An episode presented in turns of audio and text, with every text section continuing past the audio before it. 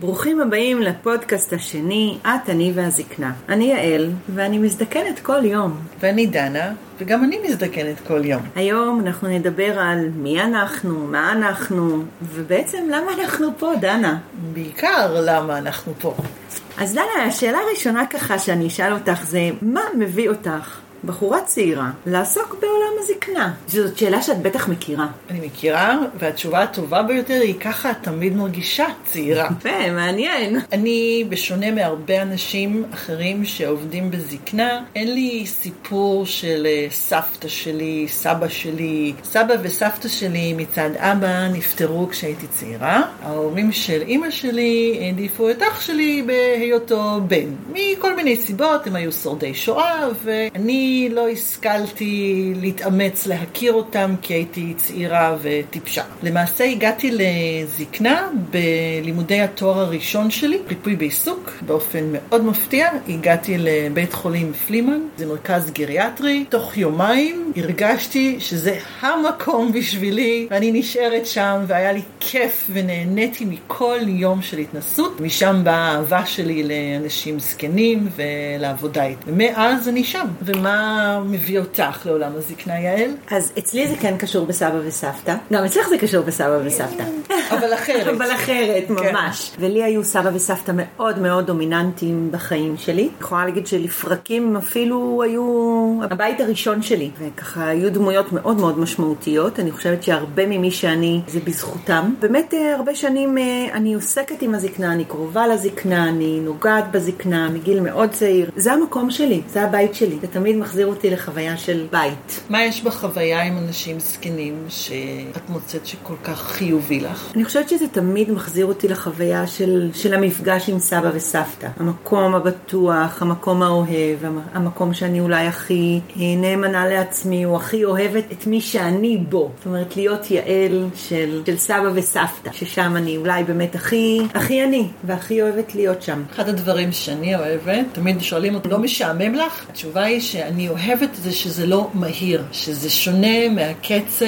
עכשיו, אני לרגע לא באה להגיד שאנשים זקנים הם בהגדרה איטיים, אבל אנשים זקנים יש להם ניסיון חיים, והם לא ממהרים בהכרח, כמו שאנשים צעירים בגילי, צעירים ממני, אין את הלחץ, הדחף, כל הזמן לעשות, להספיק, להתקדם וכדומה. אפשר להיות בכאן ועכשיו, וזה בסדר. לגמרי, אני זוכרת שלי תמיד היו אומרים, יעל זה כל כך לא סקסי, ואני לא אביא עכשיו סיפורים מהקליניקה, אבל דנה, אני יכולה להגיד לך שזה עולם סקסי ממש, לא פחות מכל עולם אה, אה, של גיל אחר, ואולי אה, לעיתים אפילו יותר ומפתיע. שזה דווקא טוב, שאפשר להפתיע. מאוד, נכון, זה. מטה התקווה. לגמרי. יש איזה תחום ככה שמעניין אותך בתחום הזקנה? ספציפי? פעם הייתי אומרת, לא, הכל נורא מעניין, כאילו, בשביל זה הלכתי ללמוד גרונטולוגיה, שזה מאוד מאוד פתח לי את הראש, כי לפני זה הייתי בריפוי בעיסוק. עכשיו, ריפוי בעיסוק מאפשר לעשות הכל, ואיכשהו למצוא רציונל, ולהגיד, או, זה ריפוי בעיסוק. אז באמת עשיתי הרבה דברים, ובגרונטולוגיה, בכל זאת, כשלמדתי את זה, התחלתי להסתכל על דברים גם מבחינת מקצועות אחרים, ועבודה רב-מקצועית ורב-תחומית, ולא רק מהנישה היחסית צרה של ריפוי בעיסוק. אז אמרתי, טוב, אני גרונטולוגית, אני יכולה לעשות הכל. מסתבר שאני לא יכולה לעשות הכל, אל תספרי לאף אחד. שזה בינינו. ועם השנים מצאתי שיש לי מה לתרום לעולם, שזה אומנם מילים קצת גבוהות, אבל באמת מרגישה שזה תרומה, ייעוד לעולם, בהקשר של אה, דמנציה, וזה העיסוק המרכזי שלי היום. הצלחתי באמת אה, למקד את זה, שאני עוסקת בייעוץ והדרכה לבני משפחה מטפלים, באנשים עם דמנציה. עכשיו, אנחנו לא נדבר על דמנציה, כי אני וואי, יכולה... דנה, זה נשמע לי, מה זה, יש לי פתאום מלא שאלות לשאול אותך, ותבטיחי לי שנעשה על זה פודקאסט שלם. החוכמה היא לעצור אותי, כי אני מתחילה לדבר על דמנציה, זה יכול לקחת חמש שעות ברצף. אני תמיד אומרת לאנשים, תעצרו אותי מתישהו. אבל כן, בטח נעשה על זה פודקאסט שלם, ויש המון מה לדבר על זה, מה להגיד על זה, הרבה דברים יש הרבה שאלות, אני חושבת ככה, ש...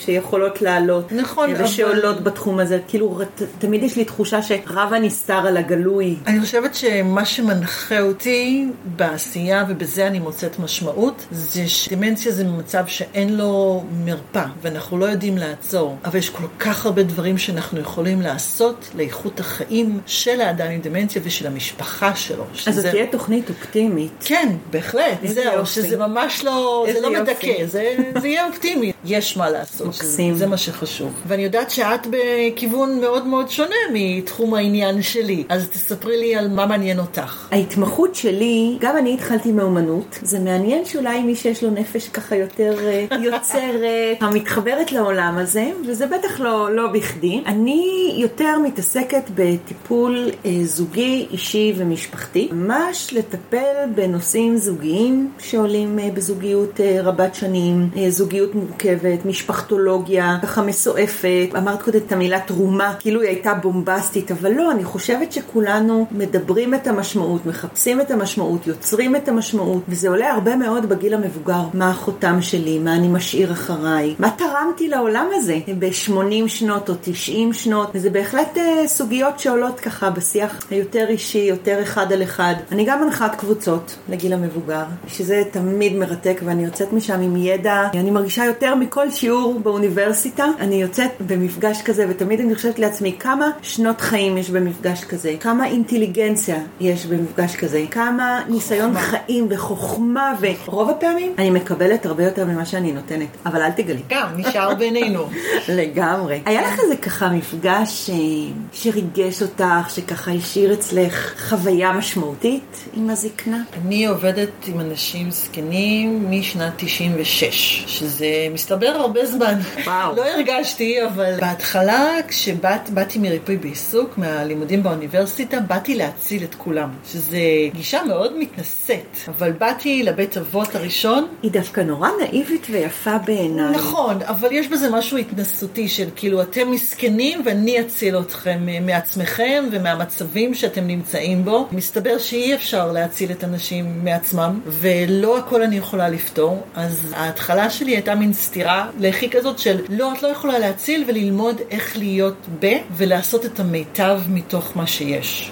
באמת, אחת הנשים שפגשתי בהמשך, שמאוד התחברתי אליה, הייתה אישה מבוגרת, באה לבית האבות, היא לא, היא לא באמת, היא לא הייתה במצב מאוד מתקדם מבחינה סיעודית, הייתה צריכה עזרה, תפקודי היום-יום מבחינה פיזית, אבל אפשר היה לראות שהיא בחרה את זה. זאת אומרת, היא בחרה לבוא לבית האבות כדי לשמור במידה לא מבוטלת על העצמאות שלה, מעבר למה שהיא יכלה בתוך הבית. היא שמרה את זה גם בתוך בית האבות בצורה מאוד יפה. זאת אומרת, היא, למשל, אם היא הייתה, הייתה צריכה בעיקרון ללכת עם הליכון והשגחה, אז היא בחרה לשבת בכיסא גלגלים, כי את הכיסא גלגלים היא יכלה להניע בעצמה ממקום למקום. במקום להיות אה, תלויה בזה שמישהו ילך לצידה ויעזור לה בהליכה, היא אמרה, טוב, אני אהיה בכיסא גלגלים, ואני אסע לאיפה שאני רוצה, וזה באמת עבד. וואו, איזה, איזה גישה מדהימה. נכון, והיא הייתה אישה שהיא הייתה עם בעלה 36 שנה, משהו כזה, והוא נפטר. יחסית צעיר בשנות ה-50, ואני פגשתי אותה כבר בשנות ה-80 שלה, והיא לא הייתה, היא לא נישאה שוב מעולם.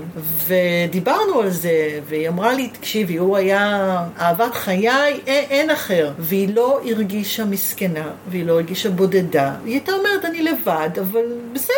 עוד הייתה מחוברת לחיים. אז ו... מה לקחת? בעצם ממנה? כאילו, מה, מה היה שם הזיקוק כזה? שזה לא מסכנות. גם אם זה נראה לי אולי מהצד, לא צריך לצאת מנקודת הנחה שמישהו שיש לו איזשהו קושי או מוגבלות הוא מסכן. כשאת מספרת את זה, אותי זה לוקח מאוד למקום של בחירה. שיש תמיד, יש לי את הבחירה. ואם אני כאילו יכול לבחור בכיסא גלגלים כי זה נותן לי משהו, חוויה אחרת של בחירה ועצמאות ו- ושליטה על המצב שלי, שלא אני בחרתי אותו, זה משהו מדהים. כן, זה מאוד... שונה גם ממה שאנחנו רגילים לחשוב, שאנחנו מסתכלים על מישהו, אנחנו מאוד ישר שופטים עד כמה הוא אה, מוצלח, איך הוא מסתדר וזה, ודווקא לפעמים בחירה סמויה יכולה להעניק יותר חופש ושליטה ממה שהבחירה הנראית לעין, המתבקשת, נאמר ככה. ממש. גם לך יש איזה מישהו משהו ש...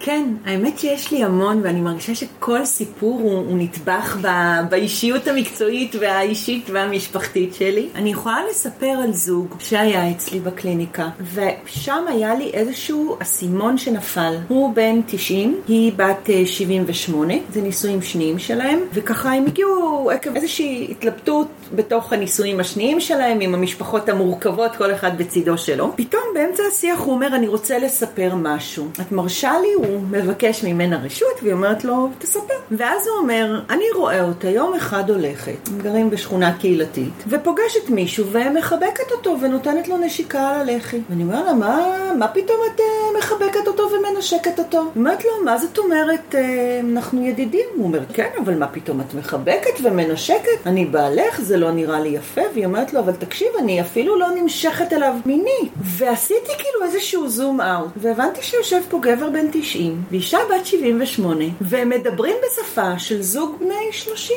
לגמרי. ופתאום הייתה לי תובנה שדנה אין לזה גיל, אין לזה גיל. והזוגיות, והאהבה, והרצון להיות נאהב, והרצון להרגיש אהוב, והרצון לאהוב, ולתת, ו- ולחיות ביחד, הוא אינסופי. ואני הרבה פעמים אומרת, זה לא נגמר עד שזה לא נגמר. ואנחנו כל הזמן חיים בסוג של חוויה שהיא מקודשת בגיל 20, ובגיל 30, ובגיל 60, ובגיל 80, וגם בגיל 100. וזה היה זה כל כך ריגש אותי. ממש. ממש ריגש אותי. איך גבר בן 90 יכול לקנא לאישה בת 78? כי זה לא המעטפת. זה בדיוק מה שגם דומה למה שאני אמרתי. בעצם זה לא מה שאנחנו רואים בעיניים. זאת החוויה מבפנים. ממש. ובשביל זה צריך לחקור ולהעמיק ולשאול, ולא רק להגיד, אה, ah, טוב, נראה זקן, כנראה שחטיאר וזהו, נסגר.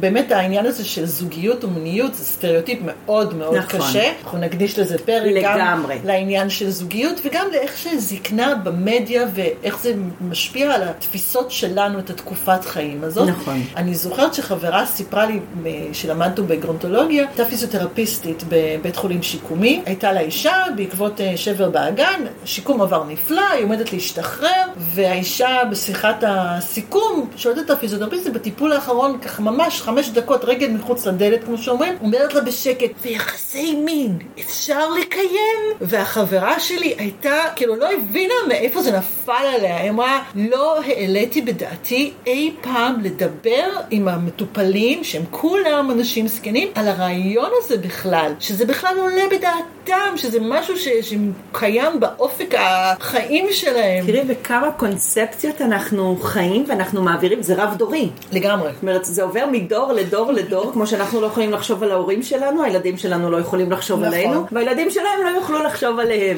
נכון. אז אנחנו צריכים לשבור את, נכון. לשבור את זה, לגמרי. ממש ממש משמעותי, וזה יפה, זה, אני לא אגיד שזה נותן תקווה, כי ברור לי שזה חלק מהחיים, אבל כן, א', זוגות שטוב להם ביחד. ביחד, אחרי הרבה שנים, זה משהו ש... שאני מאוד אוהבת. אנחנו נדבר על זה כמובן, כאילו בפודקאסט המלא, אבל באמת הרבה פעמים ככה שואלים אותי, איך אפשר לחיות כל כך הרבה שנים ביחד, או מה עושים עם זוגיות שהיא פחות טובה, האם אפשר עוד להשתפר? ואני יכולה להגיד חד משמעית, באופן שאינו משתמע לשתי פנים, כן, גם שינוי קטן יכול לשנות את כל האווירה בבית, ואף פעם לא מאוחר. אף פעם לא מאוחר לשפר, אף פעם לא מאוחר להתחדש, אף פעם לא מאוחר להכניס משהו חדש לתוך המערכת יחסים הזוגית או המשפחתית, ולא לוותר על זה. אבל אני אדגיש את זה יותר בפודקאסט שנייחד לזה, כי אני לא אוותר. אוקיי, okay. אז אנחנו כבר הרבה שנים ב... בעולם הזקנה. אני, שתינו כבר יותר מ-20 שנה בעניין הזה. איך זה השפיע על החיים שלך? איך זה משפיע היום על החיים האישיים שלך? אני מאוד מתעסקת בזה. לכאורה זה היה אמור כבר להיות משהו שטבוע בי, אבל אני מרגישה שאני מאוד מאוד מתעסקת בזה. אני מאוד מאוד מתעסקת בנושא של המוות, בנושא של סוף חיים, אני לומדת ליווי רוחני. אני ככה מאוד מאוד מסתכלת היום על החיים כעל מכלול, כעל דרך. אני לא אומרת שלא קשה לי לפעמים, אני לא אומרת שאני לא מפחדת, אני לא אומרת שאני כבר יודעת ו- ומקבלת את הסיפור הזה שנקרא חיים, אבל אני כן חיה יותר מתוך איזשהו מקום של השלמה, של הבנה של יש התחלה, אמצע וסוף, שזה סיפור שמתחיל ונגמר. אני לא יכולה לחיות עליו בהכחשה. אם הרבה שנים חייתי בהכחשה למקום הזה. הזה, אה, של ההזדקנות ושל המוות. זה חלק מאוד מאוד אינטגרלי מהחיים שלי, זה חלק שאני מאוד מדברת עליו. אני עוסקת בו, אני חיה איתו, אני מדברת עליו בתוך המשפחה האישית שלי. הוא מאוד מאוד נוכח בחיים האישיים שלי. ומה הגיל הכרונולוגי שלך? אוי, אני כאילו רוצה להגיד, ואז יגידו, אוי, את כזאת צעירה. אני בת 51. היה משבר גיל 50? את יודעת, זה מעניין, אני נורא פחדתי להגיע לגיל 50. כמו שדיברנו אה, על הגיל של, כאילו, על. תפיסת הגיל, ואני חושבת שזה אחד הגילאים הכי יפים שחייתי בהם. היה לי מין שחרור, מין תובנה שמפה זה רק יכול להיות טוב יותר. וואו. ממש. זה טוב, כי זה עוד לפניי, אז יש לי למה לצפות. כל הטוב עוד לפנייך, דנה, וגם לפניי. וזה רק הולך ומשתפר. וכן, אני חושבת שיש לגיל תובנה. אני חושבת שלגיל יש הרבה מאוד משקל והרבה משמעויות, ואתה נרגע, אתה באיזשהו מקום, אני רואה, היום בדיוק חשבתי על זה, אז איזה ריבים היו לי פעם עם הבעל שלי, שהיום הם כבר בכלל לא קיימים בתא המשפחתי, ואיזה כיף זה. וכשאת מסתכלת במראה, את פוגשת את הדמות של נשים זקנים שאת מכירה, זה מפריע לך, זה מטריד אותך. אני יכולה לגלות פה, כי לא רואים אותי, אבל למשל שאני לא צובעת את השיער שלי. בחירה. לגמרי מבחירה. אני אפילו אוהבת להסתכל במראה ולראות את השיער הלבן שלי, שמפציע. אין לה הרבה.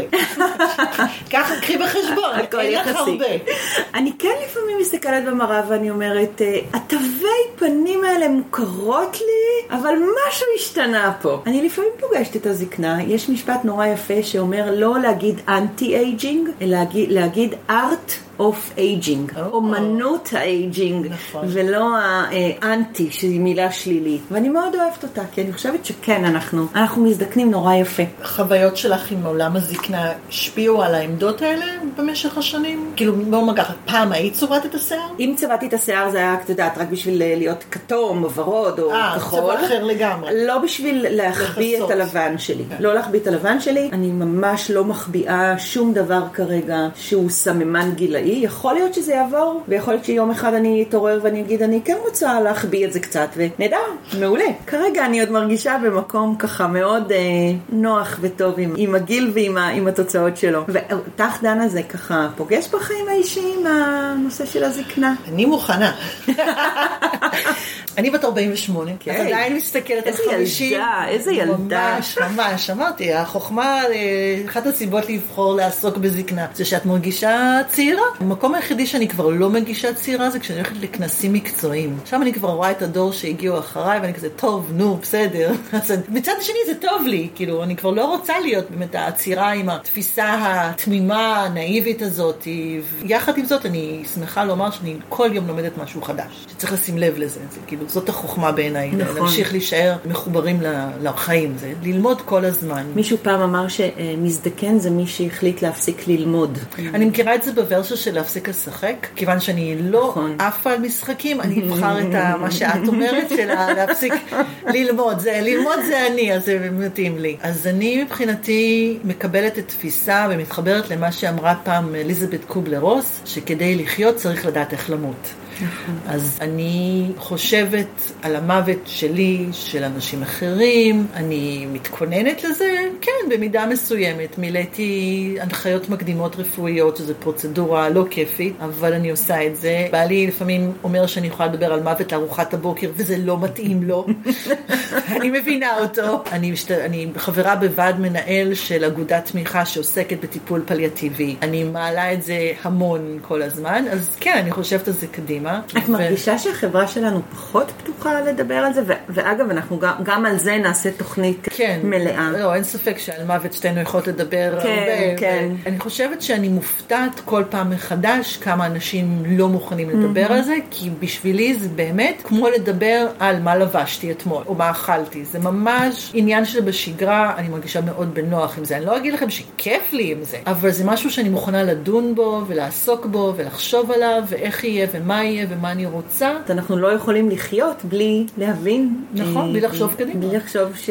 כן. ש- ואז כל מה שאני עושה באיזשהו מקום, אני מסתכלת על מה אני משאירה. שזה דווקא בא מסטיבן קובי, שהוא יותר בעניין של אה, מנהל עסקים ושיבת ההרגלים לאנשים אפקטיביים, שאמר שמה שחשוב לנו כבני אדם זה אה, to live, to love and to leave a legacy. זאת אומרת, לחיות, לאהוב ולהשאיר משהו מאחורינו. אז כן, אחד הדברים שמנחים אותי בחיים האישיים שלי, זה איך אני אוהבת ואיך אני חיה, מה אני משאירה. ו- אנחנו הרבה מדברים בקליניקה באמת על מקום של, אה, של חותם. מה אני משאיר אחריי. בעצם איך, איך אני ממשיך להתקיים גם אם אני לא חי פה. ואיך הדברים שאני מעביר והמסורת שלי, התרבות שלי או אני, אני ממשיך לחיות גם אחרי מותי. אני רוצה לאתגר אותך דנה. אוקיי. שלוש עובדות מפתיעות שאנחנו לא יודעים עלייך וככה נרגיש יותר אה, קרובים אלייך אחרי שנדע אותם. Hmm, אפשר לחשוב שאני כזו מעניינת, כן? אבל בסדר. בואי נניח מעניינת. שכן. אם אנשים נשארו עד עכשיו, אז כנראה שיש משהו. כנראה. אוקיי, שלוש עובדות מעניינות. אני נולדתי בשנת 72, ומשנת 73 אני ידועה כחולת צליאק. זאת אומרת, הרבה לפני שזה הפך להיות אופנתי לאכול ללא גלוטן, אני כבר עשיתי את זה. יאיי! לא מבחירה, לא מבחירה. זאת אומרת, אני כבר יותר מ-40 שנה במקום של אה, אוכלת ללא גלוטן. התרגלתי, זה בסדר. הרבה שנים התנדבתי בעמותה של אה, חולי צליאק, וזה גם כן היה כדי לעזור, והיה מאוד מעניין. באמת למדתי גם שם הרבה, רק לענות לאנשים על שאלות, לומדים הרבה מהשאלות של אנשים אחרים. נכון. דבר נוסף זה שאני מאוד אוהבת לסדר את הבתים של אנשים אחרים. וואו, אני, אני, ש- אני מרגישה פה הרבה אוזניים אה, שנפתחות. אני אומרת לחברים שלי, למשפחה, אם אתם אורזים, עוברים דירה, תזמינו אותי, בבקשה, בבקשה, בבקשה, תקראו לי, תזמינו אותי, אני באה, אבל קחו בחשבון שכשאני באה, אני באה לעבוד. זאת אומרת, זה מדובר פה על יום עבודה, אל תחשבו שאתם יושבים ומתפנקים לכם ואנחנו נקשקש. אנחנו באים לארוז או לסדר במקום, גם כן אני אוהבת לעשות. או לזרוק. או לזרוק, כן, חלק מזה זה תהליך הזריקה, אז אני מאוד אוהבת. בוא נאמר, אם לא הייתי מוצאת את הייעוד שלי בחיים בזקנה, כנראה שהייתי מהאנשים האלה שמסדרים ארונות לאנשים אחרים. זה וואו, ממש... מעניין איך תזדקני עם התכונה הזו. אני הולכת לעשות סדר בהכל.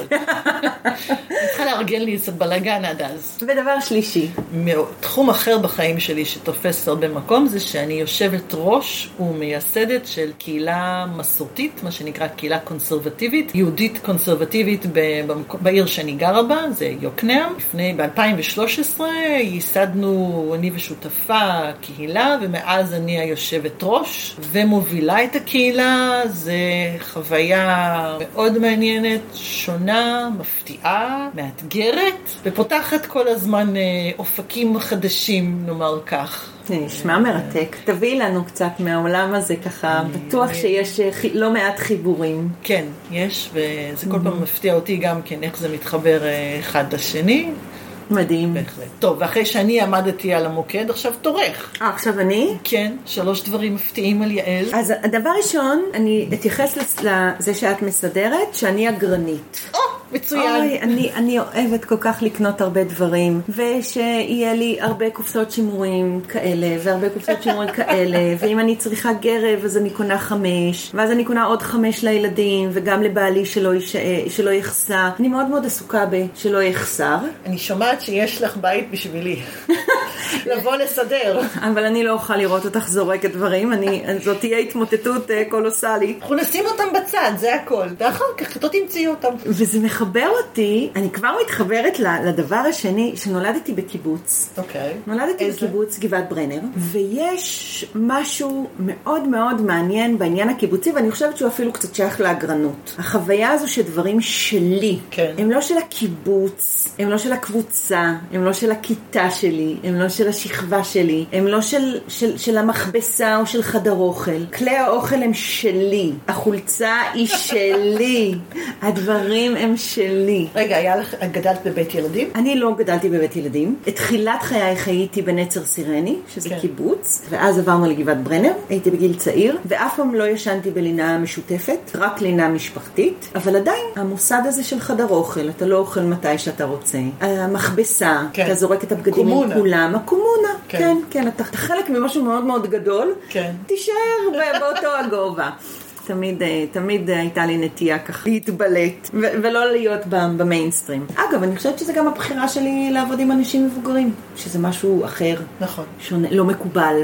לא שכיח. ממש. והדבר השלישי, אני אגלה לכם שאת הקריירה שלי התחלתי, את הקריירה כקריירה, לא כמקצוע, כעבודה, התחלתי בגיל יחסית מאוחר. התחלתי למעשה ממש לקחת את, את עולם המקצוע שלי צעד אחד קדימה בגיל 44. Okay. זאת אומרת, הרבה שנים הייתי אשתו של, הייתי אימא של, ועבדתי, תמיד עבדתי ככה בקטנה, הקפדתי להיות בבית, שהילדים אה, ככה מגיעים, שיהיה בית, בעלי עבד הרבה שנים בצבא. גם שלי. אוי, דנה, איזה מעניין. רגע, כמה ילדים יש לך? לי יש ארבעה ילדים, ארבעה בנים. ארבעה בנים, ולי יש שני בנים. וואו, ניצחנו את הסטטיסטיקה. אה, קלות צפויות לנו בעתיד.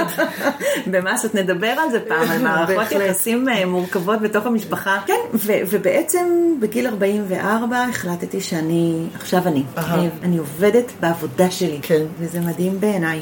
את תמיד עשית קריירה? לא, כשבעלי היה בצבא, היה ברור שהוא, הקריירה שלו, ושלי היא משנית, וזה היה בסדר. כי זה היה ההסכם, כאילו קיבלנו את זה, וכמרפאה בעיסוק, שזה הרבה שנים עבדתי, עבדתי חצי משרה, זה מאוד נוח, לא כמו מורה, אבל דומה מבחינת השעות, כי עובדים בדרך כלל בשעות הבוקר, ועבדתי ב- בבתי אבות, אז זה באמת בדרך כלל מ-8 עד 12 וחצי, ואז הייתי אוסף את הילדים, והייתי בבית, ככה, שזה שונה לגמרי ממה שחשבתי שיהיה. תכננתי להיות הכי פמיניסטית, חלוקה 50-50, שבוע הוא מבשל, שבוע אני מבשלת וכדומה. התברר שזה לא עובד ככה, אבל יחד עם זאת היה לי מספיק את האפשרות ואת החופש, ובעלי תמיד תמך בזה, לעשות תארים במקביל. והילדים גדלו וזה הסתדר. אני זוכרת שכשילדתי את הבן הבכור שלי, פגשתי בבית חולים את אה, מישהי שגם הייתה מרפאה בעיסוק, ואמרה לי, מרפאה בעיסוק צריכה להתחתן או עם איש קבע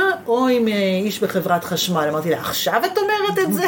תגידי בהתחלה. אבל הייתי נשואה לאיש קבע, ואז באמת הילדים גדלו. כמו שכשהילדים גדלו, אז, אז באמת נתתי דרור יותר למה שאני רוצה, וגם לקח לי הרבה זמן למצוא. יש משהו מאוד מעניין שאני פוגשת אותו לא מעט בקליניקה, הרבה נשים שאומרות לי, אני מרגישה שפספסתי את הקריירה שלי, שהייתי יכולה יותר. נשים מבוגרות, כן. אה, שמשהו בחוויה של אולי לא הלכתי ללמוד או לא עשיתי קריירה, שזאת חוויה שמלווה הרבה מאוד אנשים, וגם פה אגב אני אומרת שאף פעם לא מאוחר. נכון. אני יכולה להגיד למשל, אם ניקח דוגמה מההורים שלי, אבא שלי, להם הייתה באמת, יש להם נישואים אה, מסורתיים וחלוקה מסורתית, ואימא שלי הייתה מטפלת בילדים. כנראה שיום, כבר גדלנו, אני זוכרת שגרנו אה, בכפר סבא, זאת אומרת הייתי בערך ב-11, 12 כפרים, ושני, אני ואח שלי בסך הכל. היא התחילה ללמוד באוניברסיטה הפתוחה, ושם היא התחילה לעשות את התואר בהיסטוריה ותולדות ישראל, תולדות עם ישראל. עשתה את האוניברסיטה הפתוחה כמה שנים טובות, שזה מסגרת שאפשרה באמת לעשות את התואר הזה, והיא גמרה את זה, ואז היא עשתה תעודת הוראה, והיא יצאה יותר לעבוד, במקום באמת להיות בבית כל הזמן איתנו. מקסים. ובאמת המשיכה ועבדה והיה לזה משמעות, וזה לא בא אחד על חשבון השני, אני חושבת שבמידה מסוימת, גם אני עשיתי את זה. כשהילדים היו קטנים יותר, עשיתי על אש קטנה, וככל שהם גדלו ובגרו, אז היה לי יותר זמן ו- ואפשרות, אז באמת המשכתי והפכתי את זה למשהו כמו יותר... שאמרנו, זה בעצם, אה, נכון. זה לא נגמר עד שזה לא נגמר. נכון, והיום זה תופס נפח הרבה יותר לגמרי. גדול, והילדים שלי מאוד מרוצים, כי אני לא מציקה להם כל כך הרבה. שילכו לסבא וסבתא שלהם. כן, כזה, אה, את בבית? אה, מה את עושה בבית?